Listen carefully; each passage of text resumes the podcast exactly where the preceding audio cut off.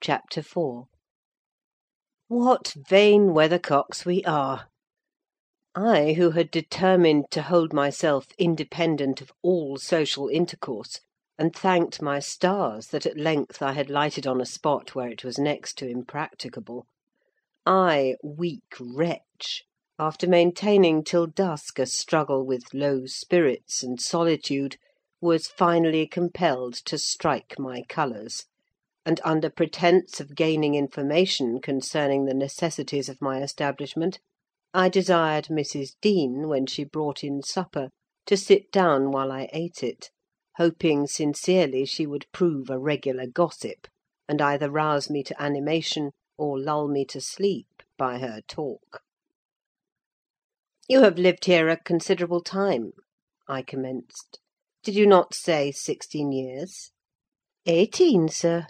I came when the mistress was married, to wait on her.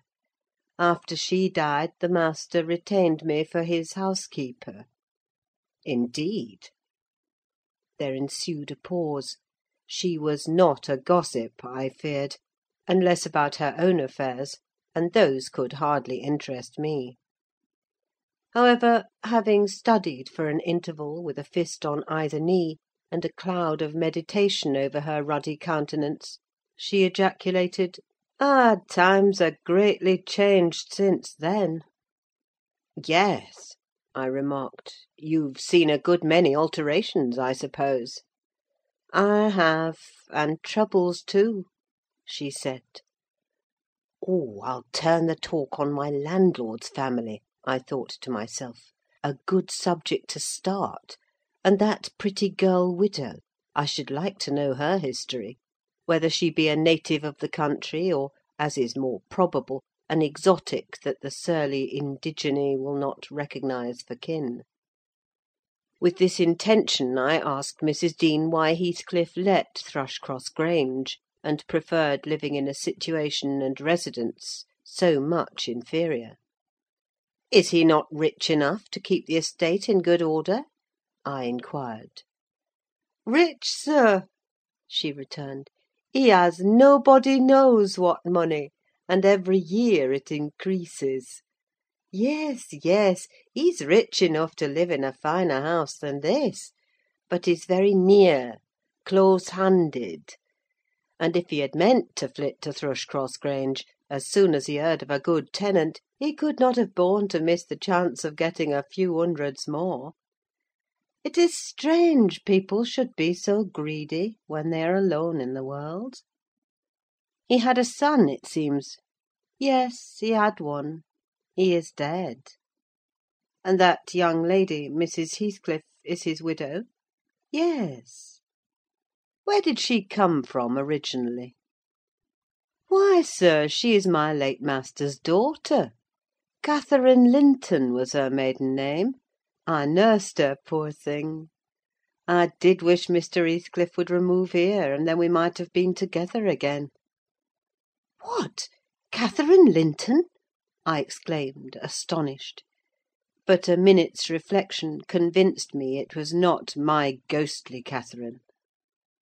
"Then," I continued, "my predecessor's name was Linton?" "It was." "And who is that Earnshaw? Hareton Earnshaw, who lives with Mr. Heathcliff. Are they relations?" "No; he is the late Mrs. Linton's nephew." "The young lady's cousin, then?" "Yes; and her husband was her cousin also: one on the mother's, the other on the father's side. Heathcliff married Mr. Linton's sister." "I see the house at Wuthering Heights has Earnshaw carved over the front door: are they an old family?"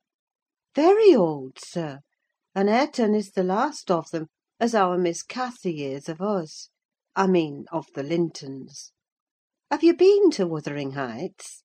I beg pardon for asking, but I should like to hear how she is." "Mrs. Heathcliff? She looked very well, and very handsome; yet, I think, not very happy." "Oh, dear! I don't wonder. And how did you like the master?" "A rough fellow, rather, Mrs. Dean: is not that his character? Rough as a saw edge, and hard as a whinstone: the less you meddle with him the better." "He must have had some ups and downs in life to make him such a churl. Do you know anything of his history?" "It's a cuckoo's, sir. I know all about it, except where he was born, and who were his parents, and how he got his money at first. And Hareton has been cast out like an unfledged dunnock. The unfortunate lad is the only one in all this parish that does not guess how he has been cheated." "Well, Mrs. Dean, it will be a charitable deed to tell me something of my neighbours. I feel I shall not rest if I go to bed; so be good enough to sit and chat an hour." "Oh, certainly, sir.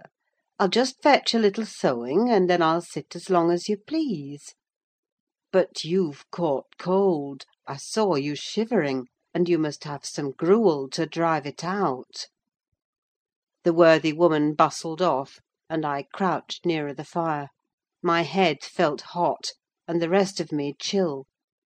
Moreover, I was excited almost to a pitch of foolishness through my nerves and brain. This caused me to feel, not uncomfortable, but rather fearful, as I am still, of serious effects from the incidents of to day and yesterday. She returned presently, bringing a smoking basin and a basket of work and having placed the former on the hob, drew in her seat, evidently pleased to find me so companionable.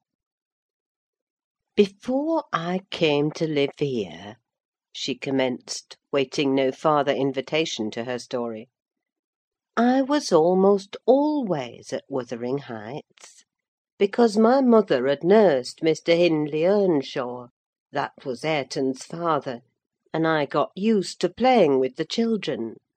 I ran errands, too, and helped to make hay, and hung about the farm, ready for anything that anybody would set me to. One fine summer morning—it was the beginning of harvest, I remember—Mr. Earnshaw, the old master, came downstairs, dressed for a journey; and after he had told Joseph what was to be done during the day, he turned to Hindley, and Cathy, and me, for I sat eating my porridge with them, and he said, speaking to his son, "Now, my bonny man, I'm going to Liverpool to day: what shall I bring you? You may choose what you like, only let it be little, for I shall walk there and back, sixty miles each way: that is a long spell." Hindley named a fiddle, and then he asked Miss Cathy: she was hardly six years old, but she could ride any horse in the stable, and she chose a whip. He did not forget me, for he had a kind heart, though he was rather severe sometimes. He promised to bring me a pocketful of apples and pears, and then he kissed his children, said good bye, and set off. It seemed a long while to us all, the three days of his absence; and often did little Cathy ask when he would be home. Mrs. Earnshaw expected him by supper time on the third evening, and she put the meal off hour after hour: there were no signs of his coming, however, and at last the children got tired of running down to the gate to look. Then it grew dark: she would have had them to bed, but they begged sadly to be allowed to stay up; and just about eleven o'clock the door latch was raised quietly, and in stepped the master. He threw himself into a chair, laughing and groaning, and bid them all stand off, for he was nearly killed: he would not have such another walk for the three kingdoms. "And at the end of it, to be flighted to death!" he said, opening his greatcoat, which he held bundled up in his arms. "See here, wife! I was never so beaten with anything in my life; but you must e'en take it as a gift of God, though it's as dark almost as if it came from the devil." We crowded round, and over Miss Cathy's head I had a peep at a dirty, ragged, black haired child; big enough both to walk and talk: indeed, its face looked older than Catherine's; yet, when it was set on its feet, it only stared round, and repeated over and over again some gibberish that nobody could understand. I was frightened, and Mrs. Earnshaw was ready to fling it out of doors. She did fly up, asking how he could fashion to bring that gipsy brat into the house, when they had their own bairns to feed and fend for; what he meant to do with it, and whether he were mad.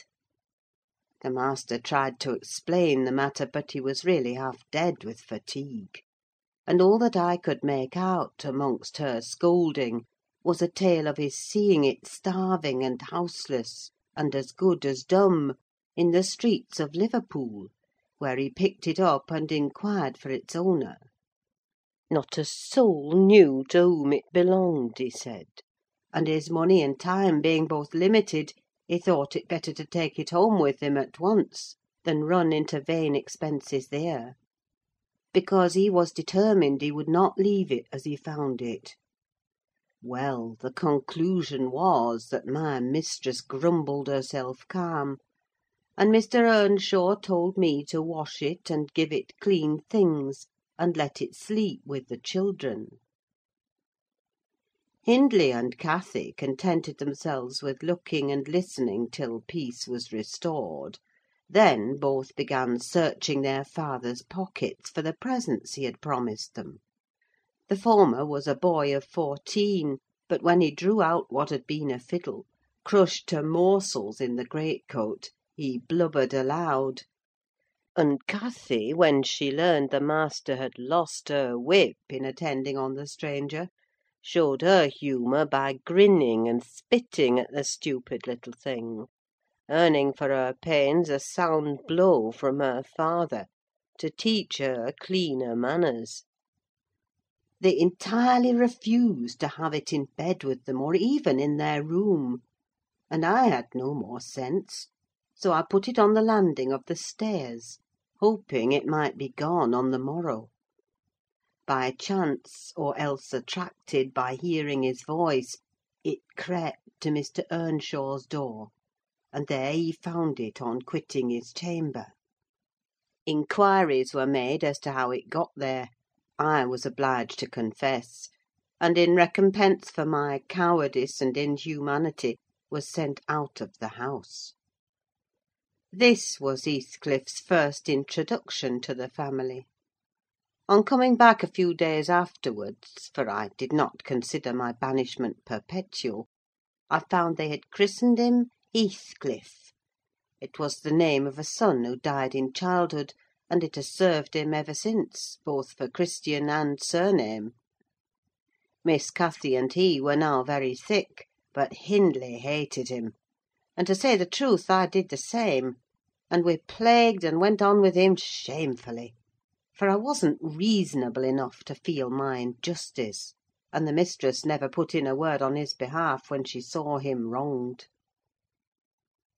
He seemed a sullen, patient child, hardened, perhaps, to ill treatment.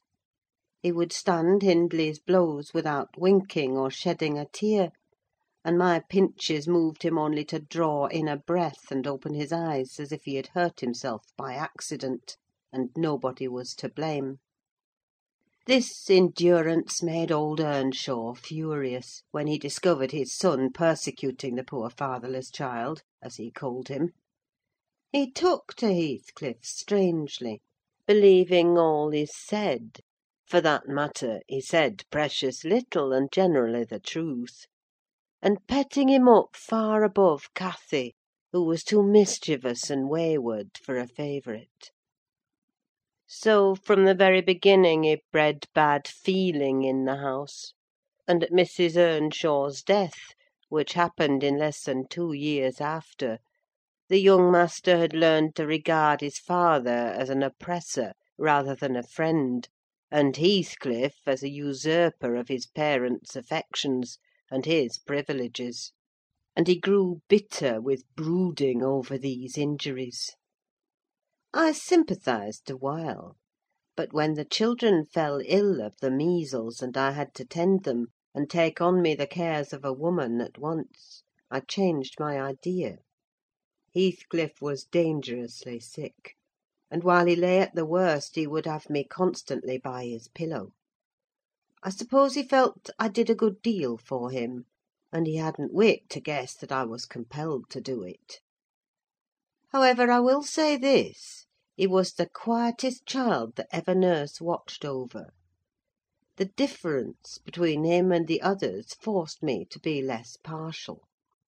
Cathy and her brother harassed me terribly: he was as uncomplaining as a lamb; though hardness, not gentleness, made him give little trouble.